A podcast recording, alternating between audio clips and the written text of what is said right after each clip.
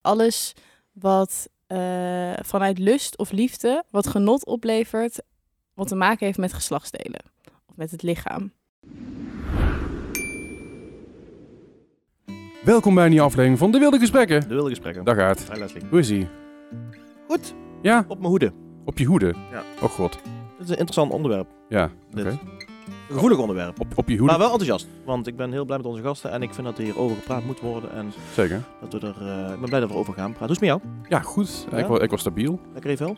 Ja, eigenlijk eh, de laatste tijd weer lekker. Ik heb even een eh breakje genomen van streamen en eh, van andere dingen. Dus Mhm. ik heb even wat, eh, wat rustig aangedaan. We zitten met de band zitten naar de, s- naar, naar de studio voor onze laatste EP op te nemen. Dus Call it off. Ja, dus daar een beetje focus op. Call it off. Ja. Zoeken. Eh, dus daar een beetje, een beetje focus op nu, dus wel lekker.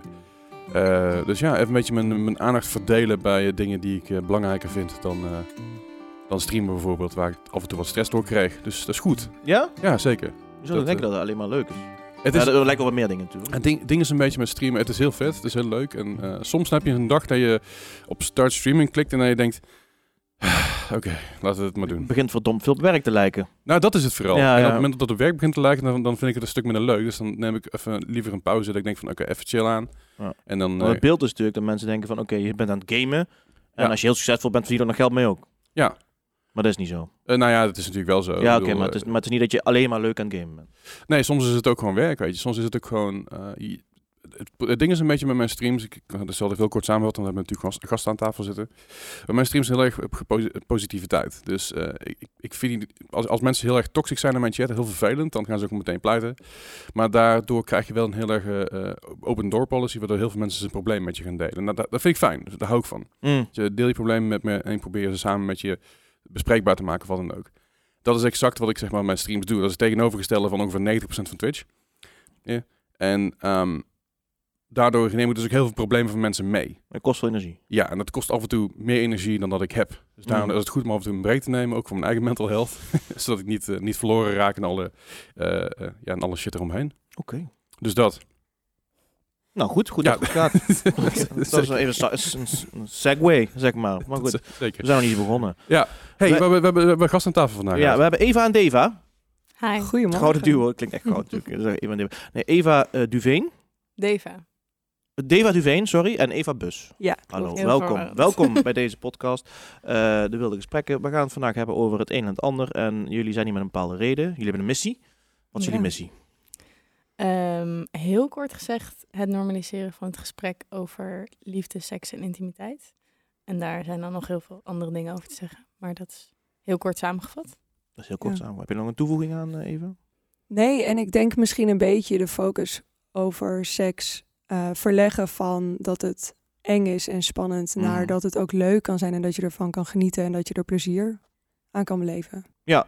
Dus het, het normaliseren eh, betekent eigenlijk dat het nog niet normaal is om erover te praten. Nee, nee. Of niet genoeg. Nou, ik denk dat het wel komt nu dat mensen erover praten, maar ik denk Mhm. dat het nog niet genoeg is. En ik denk ook dat er eh, dat het mist dat er op gewoon een hele open manier over gepraat wordt. Dus we hebben het er wel over, Ja. maar dan op een eh, of een bepaalde negatieve manier of een hele eh, heftige manier, of we zien het in porno of zo. Maar het wordt niet nog niet genoeg gewoon open, realistisch over gepraat. Oké. En ehm, hoe zijn jullie, want jullie eh, zijn eigenaar, founder van Loef.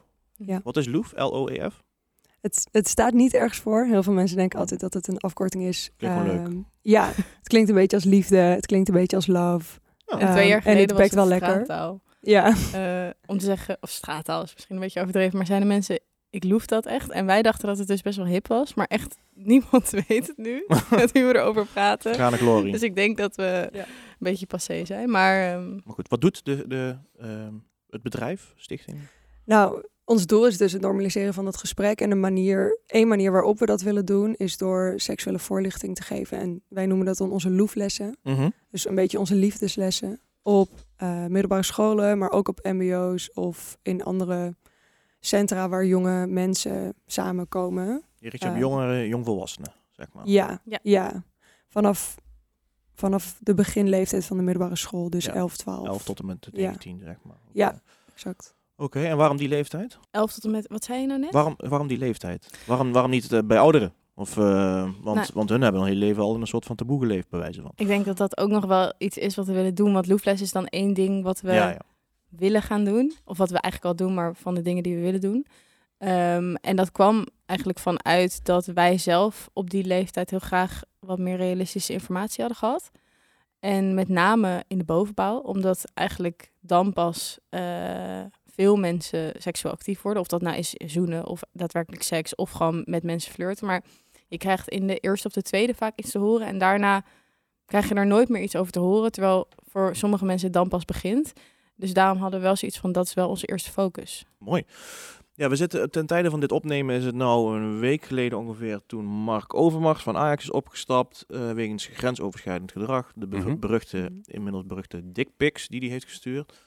Ehm, en, daar is, en, en daarvoor, twee weken daarvoor, was die aflevering van Boos van eh The Voice of Holland. Dus eh, wat bijna mooi is, is dat met The Voice of Holland, eh, zeg maar, misschien wel veel vrouwelijke mensen zijn aangesproken, kijkers. En met Ajax worden ook de mannen, echt iedere man wordt er nou mee geconfronteerd, komt niet meer onderuit. Wat Mhm. waarschijnlijk goed is.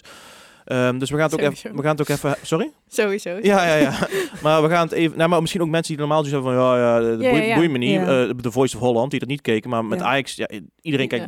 Dus, je bereikt echt de doelgroep die je wil ja. bereiken, Ja. inderdaad. Ja. Ehm, dus we gaan het hebben over eh, intimiteit, seks, grenzen, normen en waarden en, en, en het gesprek daarover. En eh dat kan gevoelig liggen, maar er moet sowieso over gepraat worden. Dus eh, laten we beginnen met wat is seks voor jullie? Of is dat ook definieerbaar? Want wat ik heel erg mis in de discussie af en toe van, Mhm. ook met van, wat is verkrachting? Ja. Wat Ja. is aanranding? Wat is grensoverschrijdend? Wat is seks überhaupt? Wat is een seksueel... Gaat goed?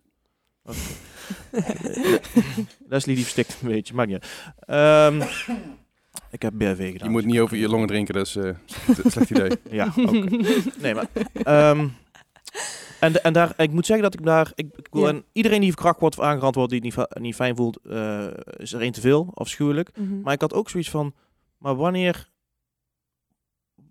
Welke grenzen, wat zijn de grenzen eigenlijk? Weet je, want die zijn Ja. veranderlijk, Ja. zeg maar. En een voorbeeldje daarvan is dat in mijn tijd, hè, in de oorlog, gewoon eh, v- 15 jaar geleden, zeg maar, toen, Ja, ik, toen, ja ik, opa. ja, toen ik 14, 15 was, zeg maar, toen, eh, als je bijvoorbeeld iemand leuk vond, nou, dan dacht je die signalen op te pikken. Mhm. En dan, als je op een gegeven moment dacht van, ja, nee, dus, ze vindt mij leuk. En wat die dan signalen zijn, is natuurlijk ook voor iedereen anders. Maar, en dan, dan zoen je haar. En als ze dan terugtrekt, dan is het nee, dan is het klaar. En dan sta je voor lul. Mhm. En dan is dat ook meteen je straf, zeg maar. Eh, en dan was het ook klaar. Eh, maar ik had laatst ook een gesprek erover met, met wat eh, stagiaires die hier, eh, die zijn weer tien jaar jonger. En die hadden, nou, ik, sommigen die vonden het wel fijn dat, dat, ze, dat je van tevoren vraagt van, eh, mag ik je zoenen? Ja. En anderen hadden ook eens iets van, nee, nee, dat vind ik echt veel te klinisch. Dat vind ik echt niet romantisch. Dus ook daar verschillen heel erg de dingen, de, Ja. de normen en waarden.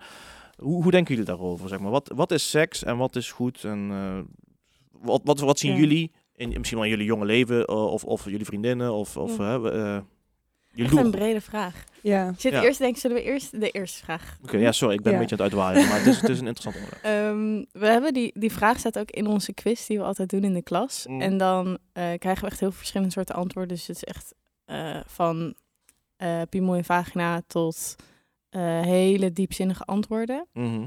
En ik heb altijd wel één favoriet. Heb jij ook een favoriet? Of hebben we dezelfde favoriet? Ik denk dat we dezelfde favoriet hebben, maar zeg jij maar jouw favoriet en dan zeg ik nog een andere die ik ook leuk vond. Mijn favoriet was dat een groep meisjes die had gezegd... alles wat eh, vanuit lust of liefde, wat genot oplevert... wat te maken heeft met geslachtsdelen. Of met het lichaam. Mhm. Dat vond ik een hele mooie. Dus al het genot wat je deelt, volgens mij is dat ook een hoe seksueel welzijn ehm, seks omschrijft. Nu ik erover nadenk. Ehm, dat is voor mij seks. Dus dat kan, hoeft niet alleen maar penetratie te zijn, maar dat kan ook heel veel andere dingen zijn. Dus even eh, concreet, daar hebben we het over. eh, zoenen wel ook of niet? Zoenen niet? Ik denk dat zoenen seks kan zijn als je het op dat moment seks vindt. Dus zeg maar, soms vind ik zoenen geen seks. En als zoenen, als ik al weet dat zoenen naar eh, samen bed induiken gaat, dan vind ik het wel seks of zo. Ja, maar ik, dit is wel iets wat we ook in de les een keer hebben besproken, omdat er ook een keer een antwoord werd gegeven, seks is alles wat je het vindt, of seks is alles wat je seks vindt. En dat is wel een lastige grens, denk ik, want toen zei een jongen in de klas wel heel terecht van ja, maar dan kan ik gewoon van de ene kant van het lokaal naar de andere kant een meisje aankijken en zeggen, ik vind dit seks, oh, heel plat ja, gezegd. ja, ja. En dan gaan rondbazuinen dat ik seks met haar heb gehad of zo. Dus ik vind dat dan dat is gewoon in wat je zegt. Ik denk dat je daar ook heel duidelijk al een beetje een lastig punt aankaart. Dat het voor iedereen anders is. Hm. Dus er was ook een groepje. Wat ik ook een heel leuk antwoord vind, is seks is alles wat lukt. Omdat dat ook heel erg de nadruk legt op dat het echt niet altijd goed hoeft te gaan of zo. En dat het echt niet, nou ja, daaruit hoeft te zien zoals dat het in porno eruit ziet. En dat als iemand een keer een beetje half uit bed valt, dan is dat echt niet erg. Hm. Ehm, maar om dan door te gaan op, je, op het tweede deel van je vraag net. Ik denk dat dat gewoon echt heel persoonlijk is en heel veel verschilt tussen mensen. Wanneer iets grensoverschrijdend is en Ik denk dat het ook wat anders is om het te hebben over verkrachting en aanranding en het aangeven en aanvoelen van Ja. grenzen. Ik denk dat als jij jong bent en je bent heel zenuwachtig en het wordt van jou verwacht dat jij de eerste stap neemt naar een meisje. Hm. En, ehm, Wat, wat de tendens is volgens mij. Ja. hè. Dat, de- dat de man de, Ja. de, de stap maakt. en je voelt dat niet goed aan en je hebt niet per se eh, de, de, de sfeer is er niet naar dat je daarover gaat communiceren of dat je vraagt ehm, om toestemming, waar ik wel voor ben om dat te doen.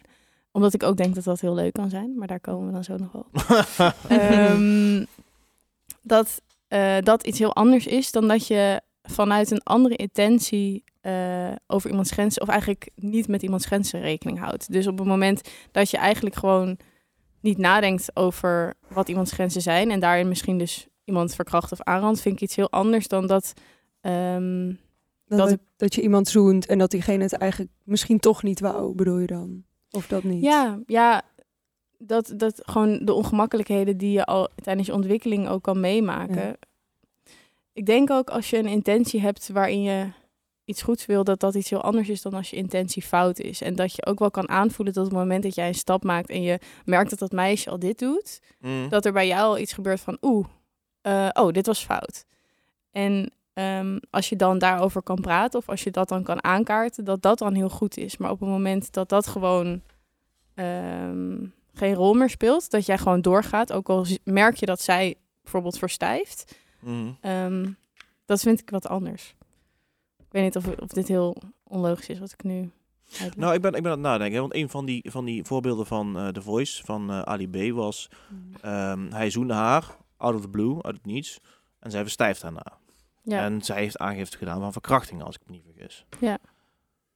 Ehm, ja, dan wordt, ja, dan wordt het wel heel lastig. Oh, nou, Laat ik, laat ik zo zeggen. maar dan- ik denk dus dat Ali B wel heeft gevoeld dat zij verstijft. Dat bedoel ik. Ja, dat, dat, dat, dat weet ik niet. Maar, maar ik, ik, wat, ik, wat ik eng vind, is dat dan ook... ehm, eh, dat, voor- stel, stel iemand die heeft spijt de dag erna. Mhm. En ik kan dan zeggen, ja, maar ik wil het eigenlijk niet. Is het dan...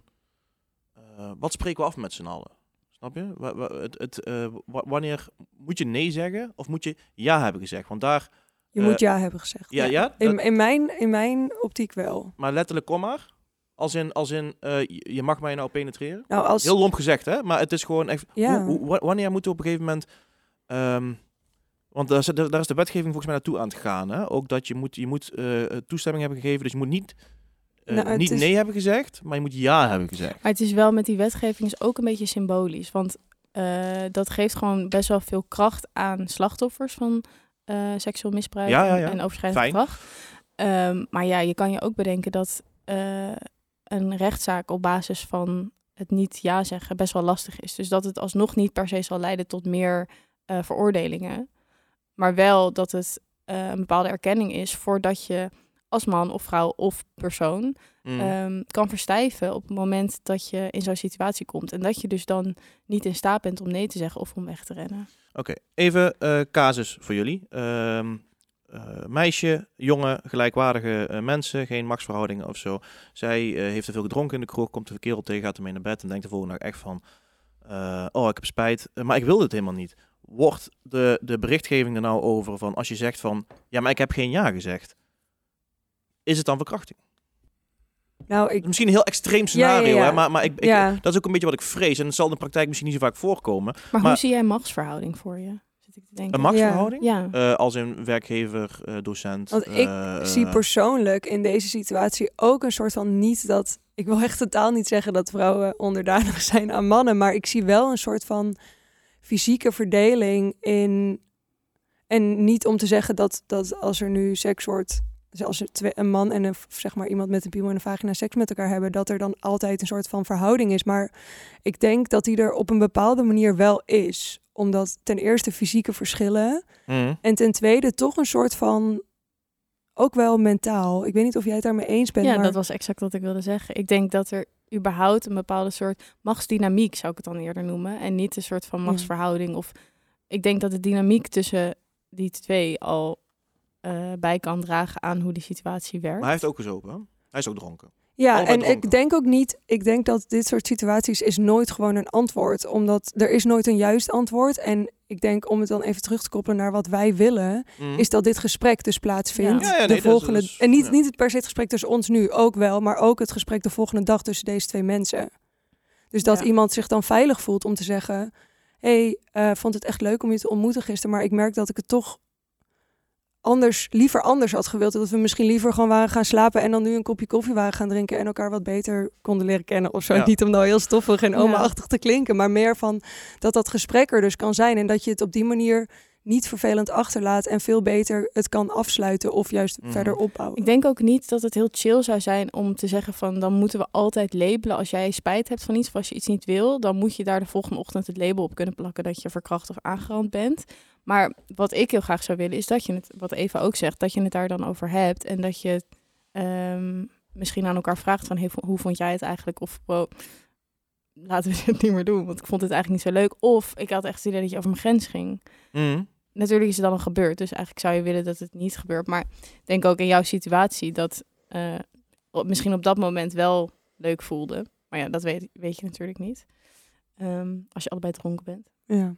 Nee, maar het- en daarmee vatten we ook eigenlijk samen, hè, waar we het ook oké, over- eerder over hebben gehad, dat met Loef willen jullie ook niet per se met een vingertje wijzen, want dit is wel goed, dit is niet goed, maar jullie willen inderdaad het gesprek erover. Ja, en ook niet per se leren alleen maar van zo geef je je grenzen aan of je moet je grenzen aangeven. Maar Mhm. juist door mensen te bewapenen met informatie en met een soort van nieuwsgierigheid en openheid op dit gebied. Mm. dat je daardoor ook leert om, er- om na te denken en om eh, het erover te hebben wat je wel wil. En op die manier ook te kunnen voelen van, oh, maar dit wil ik dan niet meer.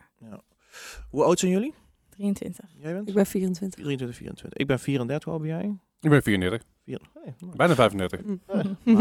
Eh, ik feliciteer alvast. Hè. Dankjewel. Maar dankjewel. het is, ehm, even kijken, toen ik zeg maar 12, 13, 14, 15 was, dus rond 2000 tot met 2005 zeg maar, ehm, toen, toen had ik het gevoel alsof we zo op een soort van piek, achteraf dan, hè, dat we op een piek van openheid over seks waren. En ik heb het gevoel alsof we nou weer in, in een soort van contra-revolutie zijn, als de mensen wat krampachtiger doen over seks. Ervaren jullie dat ook zo? Of, of, of is dat mijn beeldvorming? Nou ja, in 2004 was ik zeven, dus ik weet Ja, ja, zeg maar niet maar- precies hoe het toen was. maar ik, heb kan me, wel... ik kan me voorstellen dat je geïnteresseerd bent in het onderwerp, zeg Ja, maar. ja, ja. En Omdat dat, dat er misschien ook ten opzichte van vijf jaar geleden al ja, Ehm, Ja. eh, ja, misschien wel omdat mensen gewoon ook eh, een beetje door MeToo of dat mensen gewoon eh, in een kramp eh, schieten van, oh, we kunnen het hier nog wel over hebben. eh, hè? Ik- eh, Trouwens, personenopleidingen zijn eh, eh, opeens eh, geskyrocket in haar is dat vragen. Ja, heb ik Ja. gelezen. Ja, ja. daar Was hoorde ik ook Dat. Terecht ook, maar Ja. Nou, ik denk dat de manier waarop we heel veel hebben gepraat, dat die niet altijd meer getolereerd wordt.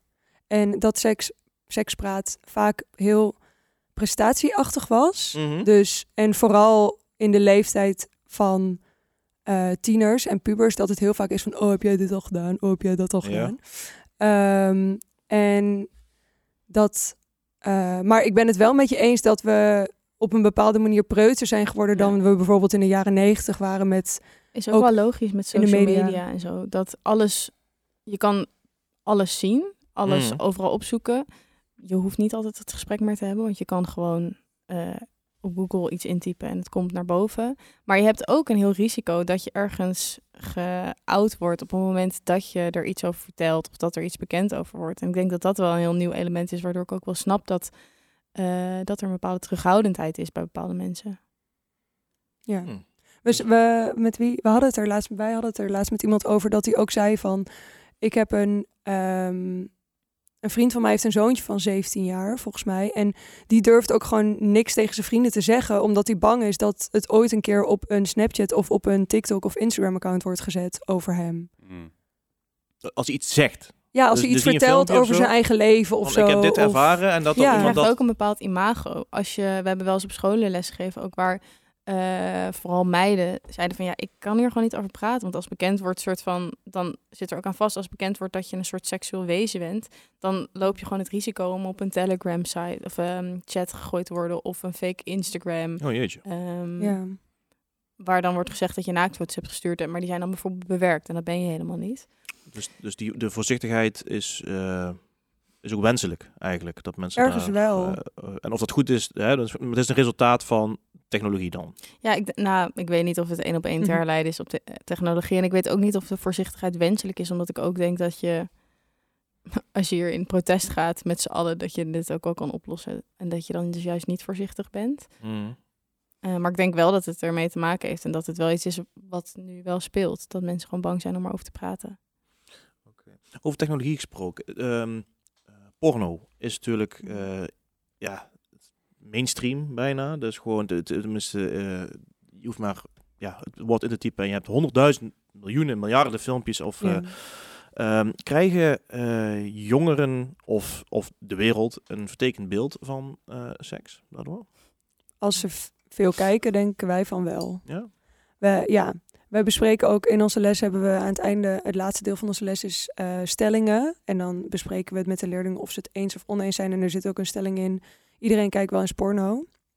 Niet dat dat nou echt zo is, maar dan gaan we daar dus mee over met ze in gesprek. Ja, nee. En dan hebben we ook een aantal mythes die volgen op die stelling. Dat we zeggen van oké, dit zijn mythes in porno die je heel vaak ziet en die altijd daarin bevestigd worden. Zo? Die dus niet zo zijn. Nou, dat alle vrouwen hele grote borsten hebben die rechtop staan bijvoorbeeld. Of die zeg maar recht vooruit staan. En dat Of- we heel hard en snel klaarkomen. Of het... Ja, en dat het altijd heel hard moet. En dat een man altijd een hele grote piemel moet hebben. Of dat doggy style het allerchillste standje is, bijvoorbeeld. Dat Ja. bespreken we ook. Maar ook wel dat we... We hebben wel voor ons ook duidelijk genomen dat we niet per se anti-porno zijn of zo. Nee, nee, nee. nee. Ehm, Nee. Want we, we benadrukken wel altijd dat je het prima...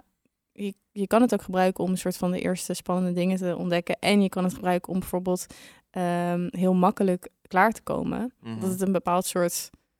Ja, het gebeurt gewoon een beetje voor je, maar je verliest wel een beetje van je eigen fantasie. Dus we proberen daarnaast altijd te zeggen van, maar probeer ook je eigen fantasie te ontwikkelen. Want als je ook zonder porno kan klaarkomen, Mhm. en, en dan, dan kan je er ook beter achter komen, wat vind ik nou leuk bij mezelf met mijn eigen lichaam. Ja. Ehm, in plaats van dat je gewoon heel veel seks in je gezicht geduwd krijgt. En daardoor gewoon heel opgewonden wordt en klaarkomt. ja. ik zit wel ook te denken dat ik, de hier heb ik echt nog nooit over nagedacht. Maar dat het ook wel een makkelijke manier is om een beetje te ontdekken wat je leuk vindt. Dus je kan natuurlijk, je hebt natuurlijk echt onwijs veel verschillende soorten porno. Mhm. Ehm, dus wat we net beschreven, dat is denk ik met die mythes en zo, dat is wel wat je het meest ziet in de, in de meest mainstream porno, die eigenlijk gewoon voor hetero mannen is gemaakt. Ehm, je hebt natuurlijk ook porno die speciaal voor vrouwen wordt gemaakt, die wel wat minder van die mythes heeft, omdat dat gewoon vrouwen vaak, of meisjes vaak... Volgens mij, vriendelijkere- volgens mij Ja. is 2% van de pornokijkers is vrouw. Dus het is een soort van gewoon niet echt voor 2% vrouwen. maar? Ja, volgens mij ik, van kan zijn dat dit fout is. regelmatige... Dit mag gecheckt worden. maar ik heb dit ooit ergens gehoord, gelezen. Leslie, Het wordt dat gecheckt, het wordt gecheckt. Ja. Ehm, Fact checken. dat zeg maar de consumentenbasis van porno is gewoon echt heel veel man. Ja, ja. ja. Oké, mooi, mooi sprongetje daarna. Ehm, eh, of ja, mooi sprongetje. Eh Hmm. dickpics. Ehm, Oké. Heel ik, mooi. ik, ik heb, naar aanleiding van dit gesprek, ehm, heb ik in mijn groepsapp van mijn werk, hè, en daar zitten ongeveer 50 man in, heb ik even gevraagd van, oké, jongens, ik heb een podcast, of jongens en meisjes, ik heb een podcast. Hm. Eh, hoeveel van de vrouwen hebben hier ongevraagd een, een dickpic ooit gekregen? En ik was verbijsterd, want bijna iedereen zei ja. En ze zei ook letterlijk van, je kan beter vragen van wie heeft er niet een eentje gehad. Ja, een ik steek even mijn vinger braaf op. Eh, wat, ik hier, wat ik hiervan begrijp is, eh, wat het ieder geval, eh, dat, dat 33,8% van de vrouwen wel eens porno kijkt. Oh, Oh, Maar eh, dat het regulier porno kijken, dat dat inderdaad 96% van de mannen is en 4% vrouw. ja. Mensen, is mensen die, eh, wat ik hier wel, zeg maar, wat die dagelijks... Maar dit is dus ook best wel interessant, want een onderzoek van Ellen Laan, ehm, daaruit blijkt dat ehm, vrouwen rapporteren dat ze dus minder vaak porno kijken, maar als ze aan een leugendetector zitten, dat blijkt dat mannen en vrouwen vaak evenveel porno kijken of evenveel Ja. masturberen. Dus dat er ook een soort van, voor mannen is het heel cool als je Mhm. het doet, en voor vrouwen is er, nou dat heb ik zelf ook ervaren, Mhm. toen ik deed mijn hele middelbare schooltijd, eh, heb ik ook geen porno gekeken, omdat ik gewoon dacht van, vrouwen masturberen niet, daar kunnen we het niet over hebben. Dat gaan we gewoon niet bespreken. Mm. Dus er is ook een soort van schaamte om dat te Maar jij, doen. jij, jij dacht vrouwen was het, of je deed het gewoon niet? Ik deed het wel, maar ik zei, zei er echt niks over. Oh, je zei er niks over? Ja, want dat was echt... was alleen een maar de, het M, de Ja. M van masturberen werd gezegd. Eh, in een groep vrouwen zat iedereen echt zo... Oh my god, hier gaan we het echt niet over hebben. Oké, dus hoe representatief deze cijfers zijn, weten wij ook niet. Nou ja, dit, dit, dit, is, dit zijn allemaal. eh, het, het probleem is een beetje wat je zegt van heel veel, heel veel mensen liegen erover omdat het een taboe is. En dit zijn, dit zijn puur en alleen cijfers die gebaseerd zijn op een survey van eh, een van de populairste Ja. porno-sites. Ik ga hem verder noemen, dat is niet nodig. Mhm. Maar dat, Ja. daar is zeg maar een survey van Mhm. genomen. Een andere Ja. survey van een andere site zegt weer iets anders. Dat is weer 37%. En dat, ja, dat sch- schommelt een beetje. En daarbij staat bijvoorbeeld ook dat 60% van de vrouwen die die survey heeft ingevuld, gezegd heeft dat porno de leven, een leven verbeterd heeft. Dus ik weet ook niet in hoeverre... En het lijkt me ook wel dat het dan een beetje wc-eend is, toch? Wij van wc-eend. Ja, nee, dat, dat, Eh, dat, dat zonder meer. Maar ik, ik het, het, het, het lijkt een redelijk eh, losstaand onderzoek. Maar de vragen schijnen, het lijkt me, lijkt me wel een beetje ingericht op hetgene wat, eh, wat, wat je wil horen natuurlijk. Maar alsnog is het best wel tekenend, denk ik, voor het publiek. Los van of het nou echt zoveel meer mannen zijn dan vrouwen. Of meer mannen die er dus voor uit durven te komen. Het zijn dus eigenlijk twee. Ja. Ja. Maar ik denk dat dat sowieso een beetje is, weet je. Ik bedoel, toen, toen, ik, toen ik 15, 16, 17 was, was het... eh, als, je, als je porno keek, dan had je het er niet over met je vrienden. Zo, Kijk je porno? Nee, nee, natuurlijk niet. weet je wel. Terwijl, ter- terwijl nu, als ik naar mijn vrienden erover heb, zeg tuurlijk, weet je wel. Dat, Ja. kijk ik wel eens met mijn vriendin porno bij ze verspreken, weet je wel. Niet, ik niet, want mijn vriendin wordt in Engeland en dat is echt heel lastig. Hm. Eh, dus dat is al, moeilijk, dat, is- dat, dat is al moeilijk Ja, genoeg. via Zoom, ja. Ja, Share dat is, eh, screen. Nee, maar dat, dat, ja, goed, dat, dat zal ik je verder even de deta- details van besparen. Maar het is, het is wel, eh, het- het- als, ik- als ik niet met vrienden erover heb, is het, dan, dan is het gewoon van, ah, tuurlijk, weet je wel. En ook, Ja. met, ook niet, niet alleen maar mijn mannelijke vrienden, ook mijn vrouwelijke vrienden die zeggen van, ja, ja. Terwijl, als ik dat 10, 15 jaar geleden denk, denk ik, ja, dat, dat ik weet niet, dat, dat, daar hadden we het niet over in de vriendengroep. Dat dezelfde vrienden zijn. Ja, Ja, precies. grappig hè? Maar jij? Want ik hoorde jou zeggen nee. Alsof jij het wel met je vrienden besproken op die leeftijd. Nou, ik, je praat over eh 2002 tot en met 2006, denk ik. Dat ik, dat ik Ja. maar jong, jo- echt middelbare school. ja. En toen had je de echte porno-sites, die waren nog betaald. En toen was het minder Ja, ja. eh, met ads, zeg maar. En eh, Ja. dus ik, nou ja, ik, ja, ik heb wel eens porno gekeken met... eh, is niet, dat- is niet direct onder stoelen of banken stak, volgens mij. Nou, Maar ik, weet het niet zeker, eigenlijk. Ik, mijn beeld ervan is een beetje ver, ja. Maar ja, ik, ja, het is, ja, het is wel... Ja, je gaf inderdaad ook gaf je niet echt toe dat je va- vaak masturbeerde of zo. Nee. Nee, dat was dan toch... Dat is bij de later is daarbij dat misschien denk van... Nou, kom, jou, nou, ik voor de gek. Weet je En het is ook zo- nou ja. niet per se dat iedere vriendengroep heel heftig moet praten, heel intens moet praten over wat ze elke avond met zichzelf doen. Maar het gaat meer gewoon om dat het prima is om gewoon toe te geven dat je het soms doet. En Ja. dan Nee, Ja. en kan het daar ook het ook niet. Dat is ook oké. Ja. Zeg maar, er no pressure om het Ik dan wel laatst- te doen. Ik had Maar laatst in gesprek zat ik met een stel vrienden en er zijn allemaal gasten van ja, tegen de 30 aan. Hij was volgens mij 29 of zo. En die, hij zei van ja, ik, ehm, ik, ik, ik, ik, ik heb niet, het was iedereen had redelijk wat drankjes op. Dus hij, toen kwam wat, de, de, waarheid kwam op tafel. Mm. Hij zei ja, ik, ik heb niet meer zo graag meer seks met mijn vriendin. Hij had een soort van nieuwe vriendin. Dat was zijn tweede ooit, zeg maar. Snap je? Dus ook zijn tweede sekspartner. Mhm. Ja, zij komt, eh, zij komt echt niet altijd klaar van het penetreren. En ehm, ja, daar word ik onzeker van. En wij beginnen keihard te lachen met z'n allen, omdat het gewoon obvious is dat vrouwen, misschien ook wel mythe van porno, dat ze Mhm. altijd met penetreren klaarkomen. Dat ze Ja. überhaupt altijd klaarkomen. Echt goede mythe. En, eh, ja, En, en, en, en hij is echt, echt geen wereld voor hem open. Hij zo, maar is dat, is dat, is dat echt dan? Dat, dat ben ik niet. Ben ik, Maar hij had daar dus ook er niet een- over gepraat. Nee, want ik nee, denk dat zijn nee. vriendin wel had kunnen vertellen dat dat misschien... ja, schat. Ja, dat Ja, nou, of- ligt niet aan jou. Of, ja. of zijn vriendin, zijn eerste vriendin kwam altijd klaar. Of hij, of zij faked het af en toe. Maar zijn beeld was 100% eh, eh, succespercentage, zeg maar. Ja. En Wow. ik dacht, ja, die maat dat is echt niet representatief voor de wereld. En hij was een, een keer volwassen kerel, hè. Dus dat is, ja, dat is een klein zijstapje. Maar het was misschien representatief voor het feit dat, eh, dat seksuele voorlichting ehm, Belangrijk. belangrijk is. Ja. Ja. Even terug naar mijn eigen onderzoek van mijn dickpics. Ja, Ja. Ehm, ja. ehm, ik was verbijsterd over hè, dat ze zeiden ook echt van je kan beter afvragen wie heeft er geen dickpic gehad. En ook een meisje die zei ja, mijn eerste kreeg ik in de brugklas al. En die was nou 18 of zo. Ik zo, wat? Ik was echt verbijsterd. Mhm. En, en, en mensen vonden mij blijkbaar naïef.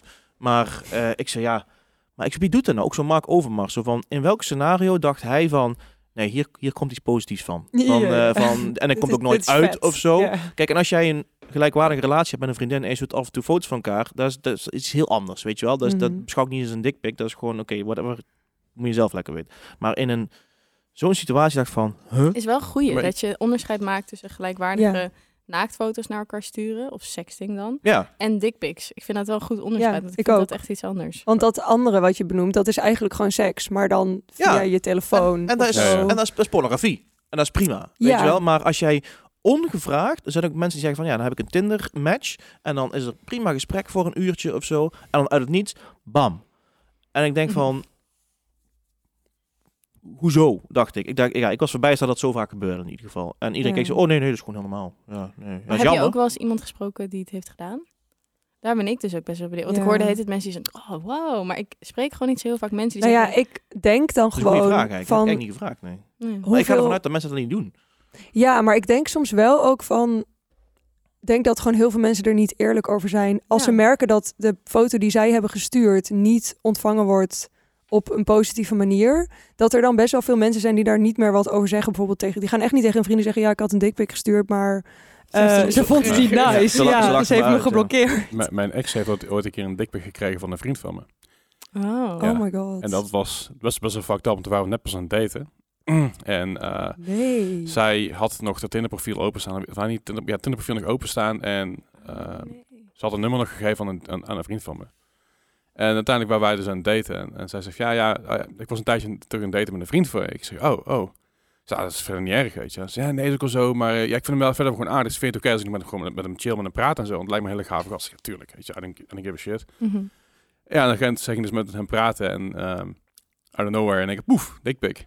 Dus zij, zij, zij vertelt het tegen mij. Ja, en ik kan dan mijn bek niet houden, weet je wel. Mm. Dus de eerste volgende keer dat ik hem zie, met onze vriendengroep, zeg ik van, jou, wil je volgende keer gewoon je dickpics niet naar mijn chick sturen? Ze, huh, huh, wat, hoe? Dus ik vertel het hele verhaal en nou, echt, Hij wist ook niet dat je met haar aan het daten was. nee.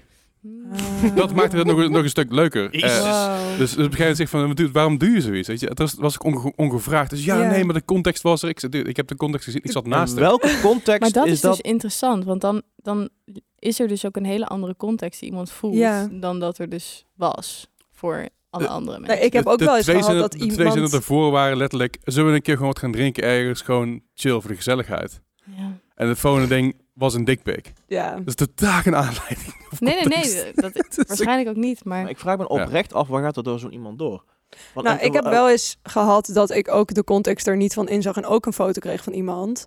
ja. En dat ik ook zei, ehm, ik weet niet waar je vandaan haalde dat ik dit nice zou, zeg maar. Ik hoop dat ik niet je die indruk heb gegeven, Mhm. want dat was echt totaal niet de bedoeling. En dan zaten ze echt zo, ja, ik, eh, oh sorry, ik dacht dat je het wel kon waarderen. En dan zat ik echt zo, nou nee, ik, ik ben op stage.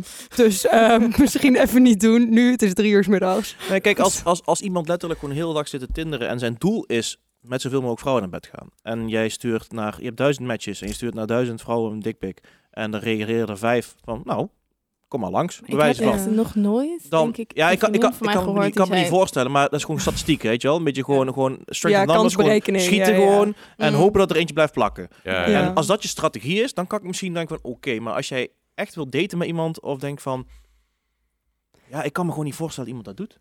Nee, maar het is, het is hetzelfde als je op stap gaat en je vraagt aan 500 random vrouwen van, hey, wil je bij mij naar huis Ja. Dus er was wel eentje die ja zegt. Ja. Zonder, zonder context ook verder bedoel je. Ja, ja. Ja, zonder intro. Ja. Precies, maar Whatever, 1 op de ja. 500 is nog steeds best wel... een- Ja, er is, een- er is een kans, weet je. Ja. You're telling me there's a chance. Nou ja, en het is ook vaak, dit is misschien heel controversieel om te zeggen, maar als het aantrekkelijke mannen zijn die een bepaalde positie of een baan hebben of geld hebben vanuit de familie, dan is die kans vaak ook nog best wel groter dan 1 op de 500. Dat is ook een Ja. beetje, denk ik, wat er dan ook nog meespeelt. Dat als het vaak lukt, dat je dan ook uit het oog kan verliezen dat het gewoon niet oké is wat je doet of zo. Ja, en dat je dus het- grensoverschrijdend bent is, daarin. Is, is als je gewoon op Tinder zit en hij stuurt een dikpik, kijk, het, chic is het niet, is het grensoverschrijdend.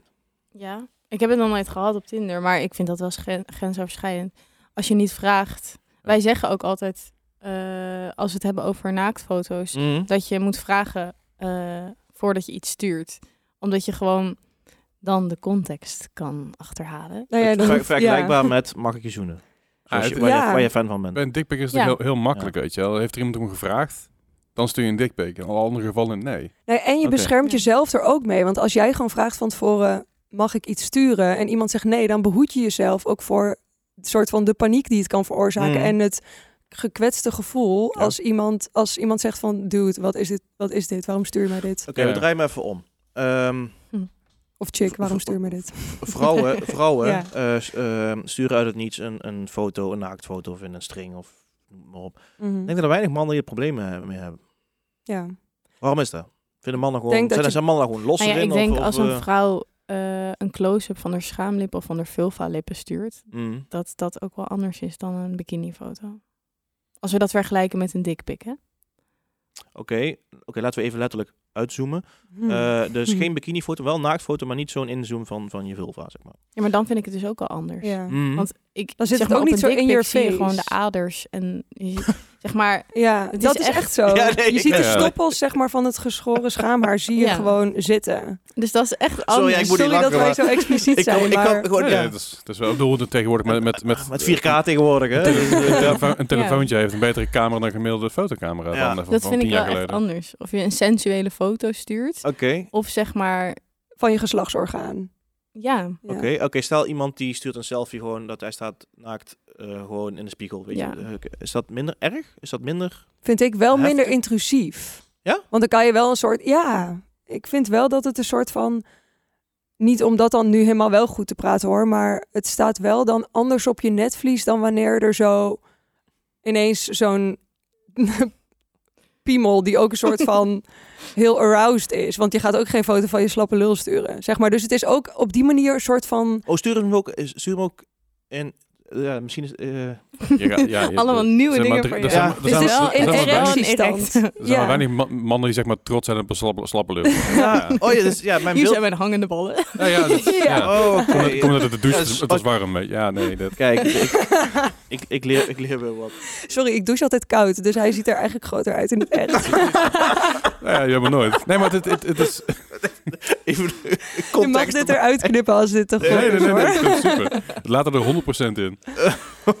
Weet je, allemaal dingen die je leert. Woe, Oké. ehm, seksuele voorlichting. Ja. Middelbare school. Hè? Dat, doet, dat is jullie, eh, jullie, jullie missie. Wat hebben jullie zelf gemist vroeger? Lot. Dus we praten toen over jullie wa- middelbare school. Dat is nou tien jaar geleden. Iets meer. Iets meer. ja, mijn seksuele voorlichting was ongeveer tien jaar Ja, geleden. mij ook. Ja. Ja. Dus Dus 2012. 13, 14. Ja. oké. Ja. Ja. Hoe zag je Ehm, eruit? Wat, wat hield dat in? Was dat gewoon een biologieboek? Of kreeg je op een gegeven moment wel iemand die langskwam? Of, eh, Maar ik kreeg het van mijn eigen docent, wat ik me kan herinneren. En het was wel een ander soort les, want we zaten in een kring. Nee, misschien is het helemaal niet waar. Het is best wel lang geleden. Maar bij mij ging het wel veel over voorboedsmiddelen. Mhm. en, en een condoom om een banaan of om zo'n eh neppiemel doen. En Heb ik nooit gehad. Heb jij dat gehad, Leslie? Eh, nee, niet een banaan, wel een bezemsteel. Echt? Daar heb ik een mooi verhaal over, maar dat komt zo meteen wel. Wat grappig. Oh, daar heb ik, daar heb, nee, bij mij is geen condoom aan de pas gekomen. hoor. ik, ik, Dus, wacht, eh, ik, ik, verhaal, het verhaal tussendoor. Eh dezelfde, me- dezelfde mevrouw die ons seksuele voorlichting kon geven, die gaf het ook aan mensen in Afrika. Eh, ze bijvoorbeeld in landen waar heel veel aids voorkwam. Dus, nou, ze zijn we heen geweest, uh, hebben uitgelegd hoe een condoom werkt. En deden het ook met een bezemstil, net zoals ik nu doe. Wat, wat die mannen deden, dat was omdat ze dus heel erg geloofden in eh, bepaalde hogere machten. En, en eh, niet voodoo, maar even de naam kwijt. Wat ze dus deden, is die condoom, die deden ze om die bezemstil. En die bezemstil ging, ging in de hoek van de kamer en daarna gingen ze seks hebben. Dus gewoon de, con- de Oeh. context compleet misten. Oh. Oh my god. Dat was echt best wel fucked up. Dus het hele dorp had daar allemaal bezemstelen staan met condooms eroverheen om zichzelf te beschermen Oh, tegen, nee. tegen de boze goden van aids. Oh, ik hoop echt dat het Dat- heel erg waar is, want ik vind het echt een grappig verhaal. ja, ja, het, eh, is, zij- gaf voorlichting over de hele wereld. Ze zei dat is het bizarste wat ik ooit heb meegemaakt. Wow. Maar goed, maar met een bezemstil is niet met een banaan. Maar goed, dat even. Toen wist je wel dat je dat niet moest doen. Ja, Ja, nee, dat, dat, zeiden ja. ze, dat zeiden ze dus ook. Van, ja, want het kwam erop neer. De intentie was goed. iemand maakte de grap, oh, dan zeg ik maar een bezemstil heen. En toen zei ze dus van, nou ja, dat is ooit gebeurd. In, eh, terwijl ik een gegeven Wow. was in Afrika. Afrikaans land, ik weet niet precies waar. Maar natuurlijk, Af- Afrika is een heel groot werelddeel. Maar ergens in een land waar heel veel aids voorkwam. En, eh, vooral dus heel in- belangrijk was dus dat heel- het ja, goed werd gebruikt, Ja, inderdaad. en da- Wow. daar deden ze dus eh, eh, over een bezemstil heen, zodat ze dachten dat ze... je langs elkaar heen in communicatie? Ja, Ja, ja, niet ja. helemaal de context clues goed begrepen. Nou, dat en, en ik denk toch wel een taalbarrière her en der. Waar, eh, Ja. waar, waar, eh, ja, goed, als je naar een, een- naar een land gaat waar je de taal niet spreekt. Misschien is het dan niet handig om daar seksuele voorlichting te Ja, ja, geven. ja. Maar goed, Nee. ben ik dan weer. Anyway. Ja, verder. seksuele voorlichting. Ja, dat ging veel over mm, SOA's en zwangerschap. Dus hoe krijg je geen SOA en hoe word je niet zwanger? Ja, mij ook wel. Ik had ook die piepschuim piemel met de condoom ermee. Werd eerste instantie werd ook door mijn docent gegeven en toen ook een keer door een stagiair. En dat herinner ik me dus wel nog heel goed dat zij was wat jonger. En ik kon dus van haar ook wel iets beter hebben dat zij het over seks had. Van mijn, Ja, ja. mijn biodocent zat ik echt zo, oh my Ja. god. Eeuw. Ja, dat hadden wij dus ook wel. Dus, dat is een, een, een vrouw die was wat, eh, wat jonger. Ja, ik zei, die was van waarschijnlijk 25, 26. Ja, dan kan je denken van haar seks zou ik wel kunnen willen, zeg maar. Dat, Ja, dat kan ik me nog voorstellen dat dit leuk is. En ik weet ook nog dat wij heel veel leerden over hoe ziet de baarmoeder bijvoorbeeld eruit. Maar ook over hoe hebben verschillende dieren seks. Dan moesten we Mm. dat gaan opzoeken en daar een verslag over schrijven. Best raar eigenlijk als ik er nu over praat. Ja. Maar ehm, Ik wat, we- wat ik bijvoorbeeld persoonlijk heel erg heb gemist, wat wij nu heel erg in onze les doen, is punt 1 de clitoris uitleggen. Hoe die eruit ziet, hoe Mhm. groot die eigenlijk is, wat de functie is, wat die allemaal kan doen. Twee, ook nog dat, ehm, en we doen ook nog meer dingen, maar dit zijn de twee belangrijkste dingen die ik er als vrouw in wilde. Eh, we praten best wel veel over afscheiding. Omdat dat iets is wat ik op de middelbare school echt heel erg heb gemist. Dat ik dacht dat ik oprecht de enige was met afscheiding. Mhm. En dat er eigenlijk nooit echt is uitgelegd dat je afscheiding fluctueert met je cyclus. En dat iedereen dat heeft en dat het iets goeds is. En Wat bedoel je met dat- afscheiding? Als in vocht, vocht tijdens de seks? Of Nee. gewoon ook gewoon afscheiding, eh, vocht dat je verliest tijdens gewoon het dagelijks ja, Ja, dat. Dus Ja. zeg maar dat je bent een week vaak ongesteld. Ja, ja. En de rest van je menstruatiecyclus, als we even doen alsof je menstruatiecyclus Ja, altijd ja, vier ja. weken is, ehm, dan verlies je ook vocht. En dat fluctueert tijdens je menstruatiecyclus. Dus op het moment dat je ovuleert, dat je meest vruchtbaar bent, dan is je afscheiding heel veel, eh, vaker, zeg maar. Mm. Ehm, meer doorzichtiger en, ehm, en vloeibaarder. Zodat bij wijze van spreken de spermacellen goed kunnen zwemmen erin. Ja, ja, nee, dat, dat is het doel van. Ja. ja. Ja. En Vol- eh, naar, naar je ongesteldheid toe wordt het dan wat witter en een soort van pritachtiger. En kan het er dus niet doorheen zwemmen. Ja. Ehm, En de Maar- functie is dat het je vagina schoonhoudt. Ja. Dus het voert afvalstoffen naar buiten. Om de les even compleet te maken. Ja.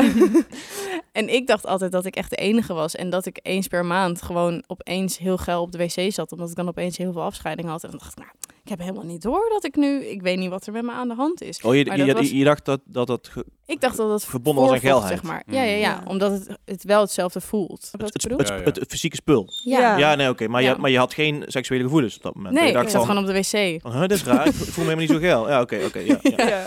En toen gingen we daar, nou, daar hebben we over onderzocht, eh, ik vak gevolgd. eh, en nu proberen we dat wel heel duidelijk ook te vertellen. En je ziet wel ook echt in de klas dat meiden vaak echt zo, oh my god, ze hebben het hier over. Oh my god, dit heb ik ook. Oh, we zijn niet de enige. Ja. Nee, maar dat moet, dat moet Dat oprecht heel fijn zijn. Ja. Ja. Dat, is, dat is vergelijkbaar met, die, met die, die vriend van mij, zeg maar. Maar die leeft er al bijna zijn hele leven mee. Nou, of, of in ieder geval zijn, zijn seksuele actieve leven. Ja. Maar het, als je inderdaad, als je dan bij de jeugd dat duidelijk kan maken. Dus er is inderdaad echt nog steeds wel wat werk aan Maar de ja, we hebben laatst een man van 40 of zo uitgelegd hoe de clitoris eruit ziet. En dat het groter is dan alleen een knopje. dat, dus toen dat, dacht ik, dat, eh, dat ding, zeg Ja, maar. ja. Ja, ja. Terwijl hij er ook van overtuigd was dat hij wist hoe het eruit zag. Hij zei, nee, ik weet echt hoe het eruit ziet. Dus Deva zei, teken dan.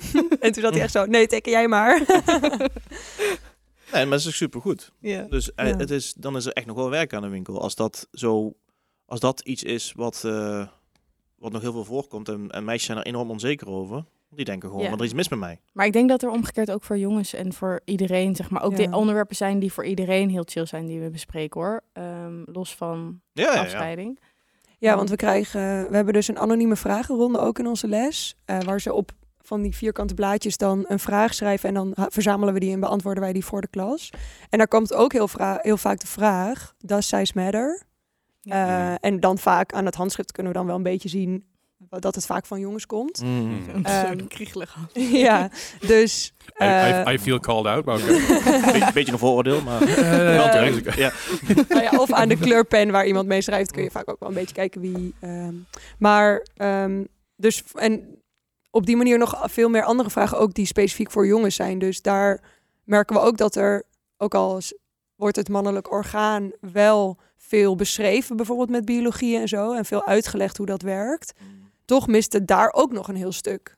Het is niet dat alleen de vrouwen zijn Maar wel, overgeslagen in de seksuele wat- Waar wij het laatst over hadden, was dat eh, de vragen die we vaak merken, is dat van veel meisjes komen er best wel vragen over eh, hoe voelde het en eh, wat was jullie ervaring en dat soort vragen. En van jongens zijn best wel vaak vragen over eh, wat is het beste standje, does size matter en dingen van hoe kan je dit goed doen. waar ook wel duidelijk aan wordt dat er voor jongens best wel een druk op ligt om het goed te doen Mm. de eerste keer. En te zorgen dat iemand klaarkomt, te zorgen dat je zelf klaarkomt, te zorgen dat het hard wordt. En dat het voor meisjes er wel meer om gaat, ben je er klaar voor? Kun je ja zeggen? Heb je nee gezegd als je het niet wilde? Hoe voelde het en zo? En dat is wel ook echt een hele andere... Dan praat je vanuit een heel ander, andere plek met Mm. elkaar. Als je het Ja. vanuit, die, ja, Ja. vanuit daar bekijkt. Is er dan, eh, hoe, hoe zou die druk komen? Want ik, ik denk dat ik die druk ook wel had. Ik vond het ook wel rete spannend de eerste keer. Dus ik ging, ik ging vallen opstaan, laat ik het zo zeggen. Mhm. Dus, ehm, maar hoe, die druk denk ik dat ik die ook ervaarde, maar hoe, waar komt die vandaan? Is dat gewoon van een man moet, moet stoer of, of moet dat kunnen? Hoe was of het in moet jouw dat- vriendengroep? Werd niet over geluld. Niet? En waar haal je dan, denk ik, ik denk dan gelijk, dan haal je informatie dus en je referentiekader ergens anders vandaan. Wat dan, want Ja, nee, die druk zit niet in, je, in jezelf of zo, zeg maar. Er is iets externs waardoor je een soort van het idee hebt, zo moet het eruit zien of zo moet het, moet het, moet het voelen voor de ander of moet het zijn. Ik denk dan gelijk aan porno. Of gewoon films. Of films, films ja precies, media in zijn algemeen. Maar ook Eh, gewoon verhalen Ik naar ben een fan van toe. James Bond. Ja. Ik ben opgegroeid met James Bond. Nee, maar het is gewoon ver- Misschien, ver- eh, verhalen naar elkaar toe, weet je wel. Iedereen loopt elkaar te overbluffen en een beetje lulverhalen te vertellen. Ja, ja. Soms Ja. letterlijk trouwens. Maar eh, Hm. iedereen had een beetje natuurlijk, eh, van, oh ja, ik heb, oh, de mijne is zo groot en de mijne is zo groot. Dat Ja. is natuurlijk ook een beetje een ding waardoor je, waardoor je druk, druk opgebouwd wordt. Vooral als, je, als je niet de eerste bent in de klas, bij wijze van spreken. Weet je, Ja. zelfs een brugklas van de tweede, van de derde, of van de vierde, maakt natuurlijk geen reet uit. Maar je bent niet de eerste, dan krijg je natuurlijk verhalen van de rest mee. En dan denk je van, oh, oh shit, dan, dan moet ik dan ook. En dat Ja. is ook wel heftig. Of je hebt Ja. oudere broers en zussen. Of andere oudere mensen in je omgeving. Nou, ik ben wel, ik ben echt, eh, ik heb drie oudere broers. En, ik, en vrouwen zijn echt ja, een mysterie voor mij, zeg maar. En ik heb Mhm. nou, ben nou ook de vader van een dochter. En ik vind het heftig allemaal. Ja. vrouwen. En, en, maar ik, zou, ik, Hmm. ik vind het heel... eh, ik wil heel graag dat ze veilig opgroeien, zeg maar. Dus dat ze dat soort dingen weten over hun, eh, over hun seksualiteit ook. Hè? Die afscheiding, Mhm. dat soort dingen. Dat is size matter, trouwens. Wij zeggen altijd eh, nee, omdat het heel erg afhankelijk is van ook hoe groot het vaginakanaal is. Dus Mhm. bijvoorbeeld iemand die een dieper vaginakanaal heeft, kan heel goed heel erg genieten van iemand met een hele grote penis. Ehm, en vice versa, kan ook andersom.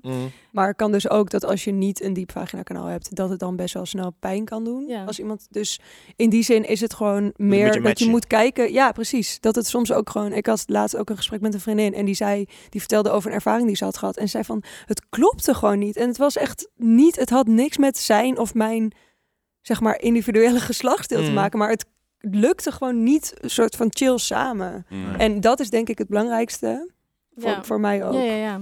En ook denk ik wel, als we het er dus over hebben, does size matter, heeft wel vaak de connotatie dat hij groter moet zijn en Ja. dat het dan beter is. Dat vind ik gewoon niet zo. Ik heb wel ook seks gehad eh, waarbij, waarbij je gewoon gelimiteerd wordt tot bepaalde houdingen, Mhm. eh, omdat het anders pijn doet. ja. En Ja. ehm, Ik, ik, ken Ja. ook, ik ken ook vrouwen die zeggen van eh, mijn ex had, had zo'n grote, was echt niet chill. Ja. Dat was Nee. echt strijden. Gewoon eh, om het heel lom te zeggen. Ja, Dus, precies. eh, dat was ja, ik echt- ken ook wel jongens die er echt wel, Die het, voor wie het echt lastig is. Ja. Ja? ja. En dan wordt er heel cool over gedaan dat je dan Ja, ja, ja. een soort van tough guy, gewoon cool of zo. Ja. Maar Ja. Dat is gewoon echt lastig. ook gewoon heel lastig als jij heel erg fijn met iemand wil seks hebben, seks wil hebben en je doet iemand de hele tijd pijn. En je ziet gewoon Ja. dat je iemand de hele tijd per ongeluk pijn doet op het moment dat je er... ehm, Dat je het even loslaat. even- ja.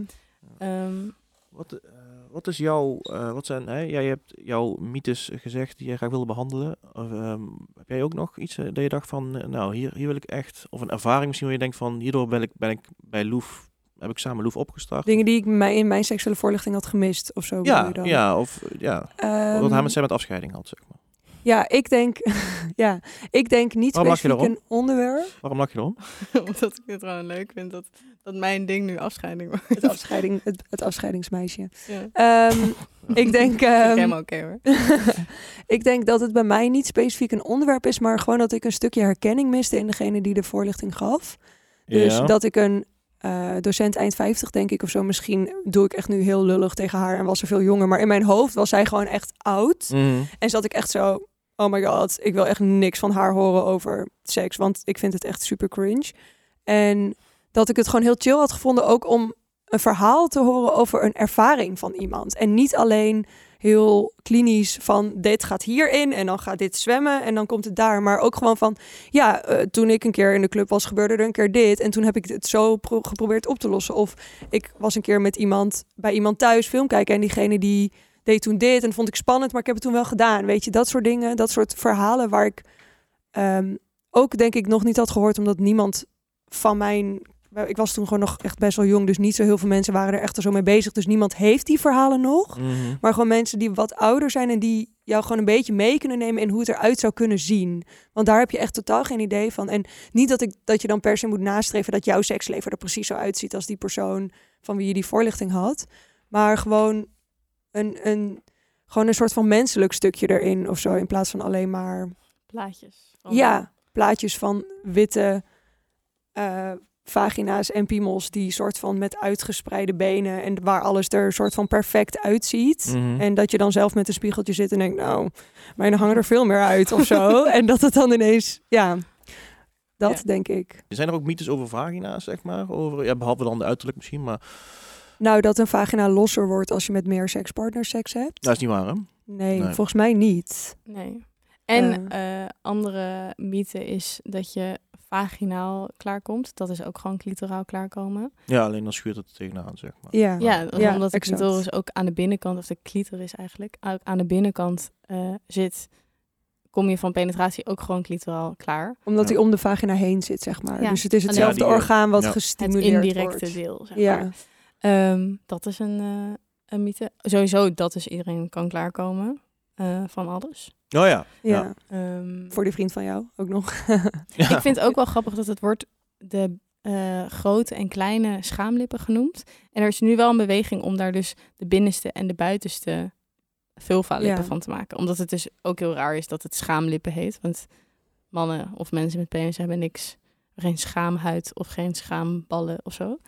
Mhm. Ehm, Ja. En dat Ja, er dus ook een soort van... ja, wij noemen het ook liever vulvahaar of venusheuvelhaar. Ja, Venus heel veel haar. Ja. Dat is leuk voor galgje. ja. Ja. exact. Wel veel E's. maar dus ook dat de eh, grote vulva-lippen, of de schaamlippen, zouden Mm. dan zijn eigenlijk kleiner dan de kleine. Ja, bij mij wel. Het goed, Leslie? Ja, ik zit Venus heel haar. Ik zit- zit aan Scrabble te denken. Dat Ja. Het is Een lange een avond. een soort, een het, eh, negen, letter, of negen letter lingo, weet je, op zaterdagavond. ja. Of 19 letter lingo wordt het dan misschien. Weet jij nog meer? nou, ik had net iets wat ik wilde zeggen, maar... Wacht, wat was je vraag ook alweer precies? Wat vroeg je Welke mythes er ontstaan zijn? Of, ehm eh, eh, over, over, over, rondom- over van size, Oh, dat, ik, dat ja, size ik matter. weet wel wat ik wilde zeggen, want dit is niet per se mythe, maar eh, er is een heel leuk Instagram-account. Ik weet niet of ik dat een beetje mag pluggen hier. En het is niet van Tuurlijk. ons, maar het heet de Vulva Gallery. Ja. Mhm. En dat is een, volgens mij een Nederlands iemand die, of Belgisch, Vlaams moet ik dan zeggen. Volgens mij Maar in ieder geval iemand Nederlands sprekend persoon die ehm, allemaal verschillende soorten vulva's eh, en vulva's eigenlijk ja tekent. En volgens mij doet diegene dat op basis van foto's die hij opgestuurd Ja, en krijgt. verhalen. En verhalen er ook onder. En dan heb je ook echt alle verschillende soorten, allemaal huidskleuren, Ja. lengte schaamlippen, met zonder scha- schaamhaar, dan even schaamhaar noemen.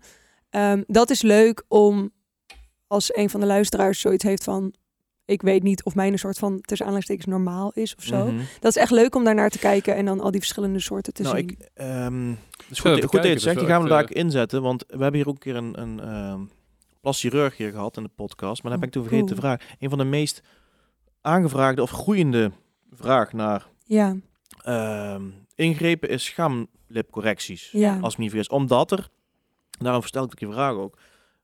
Door porno is er een soort Mhm. van ideaalbeeld ontstaan van een vagina. En, Ja. en meisjes die dat ooit hebben gezien en zien dat bij hun komen bijvoorbeeld de buitenste schaamlippen, of de binnenste schaamlippen komen eigenlijk naar buiten, wat heel normaal is volgens mij. Wat Ja. is eigenlijk de kleine schaamlippen Sorry? heet. Wat is eigenlijk de kleine heet, terwijl die dus eigenlijk groter zijn.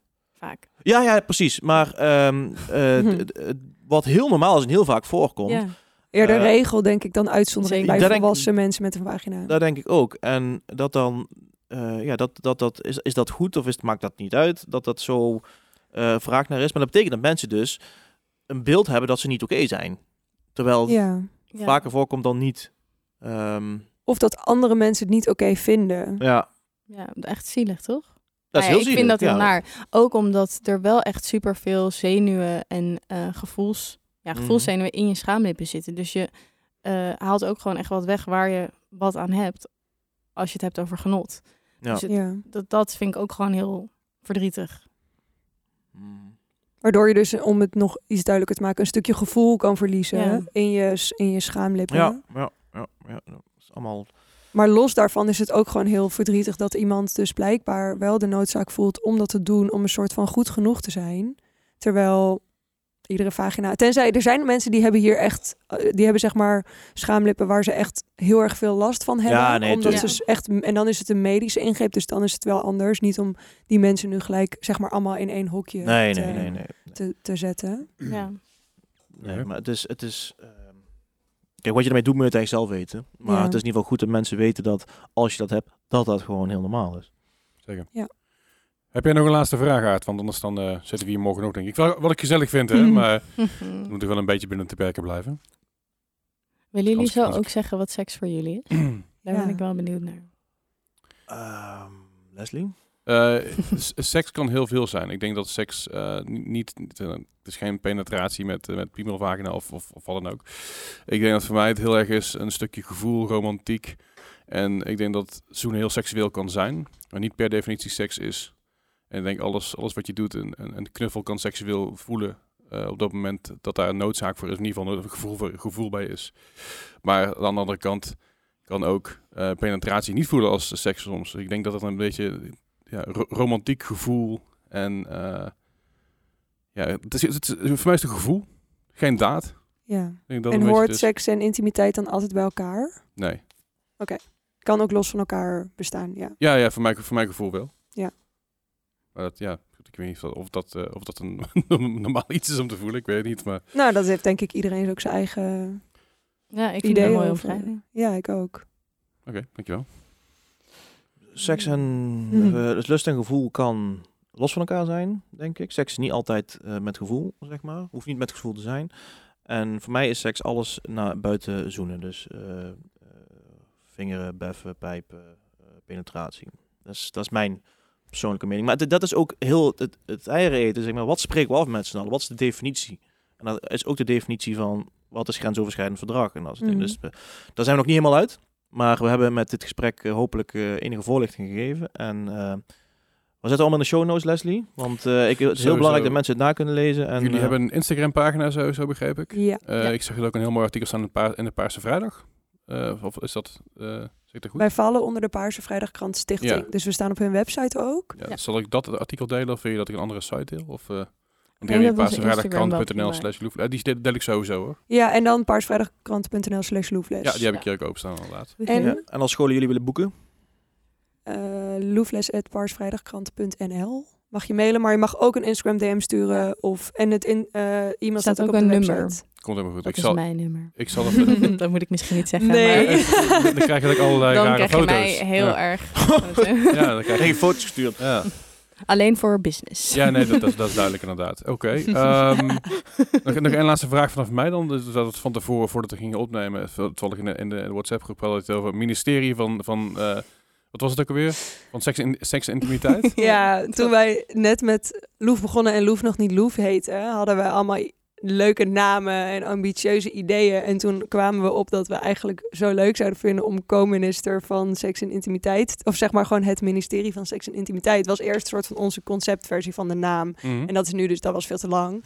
maar dus nu was er zo'n artikel over dat er een, er komt iets van een minister van grensoverschrijdend, niet een minister, maar iets anders van grensoverschrijding en Ja. Ja, ehm, dat jij stuurde dat. ja, iemand stuurde ja, jij stuurde ja, dat in de. Ja, en toen eh, dacht ik Ja. van, oh, misschien zit, de toekomst, zit het in de toekomst er toch nog in dat we ooit Ja, eh, voor de overheid gaan werken. Ja, ik, eh, ik, ik zie, ik, zie, ik zie daar wel een, eh, zeker een soort van ministerie in. Ik denk dat er heel veel vragen over zijn en ook heel veel... In de, Een ministerie, man. Nou, dat klinkt heel leuk, maar dat is veel te groot. Het. Ja, ja, moet gewoon onder volksgezondheid. een, een, een, tak, een tak binnen het ministerie, laat ik het dan zo zeggen. Ja, ik denk, als, het is iets wat we echt allemaal doen, hè? Waarom zou daar niet een ministerie voor mogen komen? Er is toch ook een ministerie voor sport? Ja, we- ja, we gaan ook allemaal naar de wc, maar daar hoef je ook geen ministerie van te maken, weet je. wel. Het is, het is, het is, ik denk dat het hoort gewoon bij volksgezondheid, denk ik. Nee, ja, maar- daar maar- kan ik me wel in vinden hoor. Daar kan ik me wel maar- in maar- ik moet gewoon even rekenen. Onder, onder, onder, onder, onder volksgezondheid, dat, dat daar een tak voor zou zijn. denk Ja, ik. ben er wel heel Ja. erg voor dat het ministerie van Volksgezondheid of in samenwerking met onderwijs, dat ze echt Ja, eh, dat vind ik het, het, eh, het, het voorlichtingaspect echt opschroeven. Ja, nou, Omdat- we het allemaal nummer. Ja, nee, maar daar moet je We're absoluut, je kan eh, zeker een ambtenaar erin worden. Ja. Of in ieder geval gewoon een... Ja, dat klinkt cool. Dat we dan ambtenaar zijn. Ja, het kan allemaal. Goed, dankjewel voor het aanwezig zijn. Ik het super tof dat jullie er waren. Again, ik, ik zal alles van jullie delen in de show notes, zodat mensen nog even door kunnen klikken en eh, meer kunnen zien over jullie of meer kunnen horen wellicht wel. Zeker. Ehm Aart, heb je nog iets te zeggen erover? Dat toe? Nee, oké. Als, je, als je meer wil weten over de wilde huizenbegeleiding, ook dat zit in de show notes natuurlijk. Mhm. Vergeet ook niet te liken op YouTube en eh, op Spotify kun je tegenwoordig ook een rating geven van 5 sterren. Dat is eh, sinds kort is nieuw. Dat was eerst alleen op iTunes, maar nu ook op Spotify. Dus dat doet ons ook heel erg goed. Daar, komt weer, daar, komen we goed in de ratings en het algoritme. En dan wordt iedereen daar beter van. Want dan krijgen we natuurlijk leuke gasten als Eva en Deva die eh, hier alles komen uitleggen. Dat vind ik super. Mhm. Dankjewel voor het luisteren. En jullie horen ons de volgende keer weer. Hoi! Joejoe.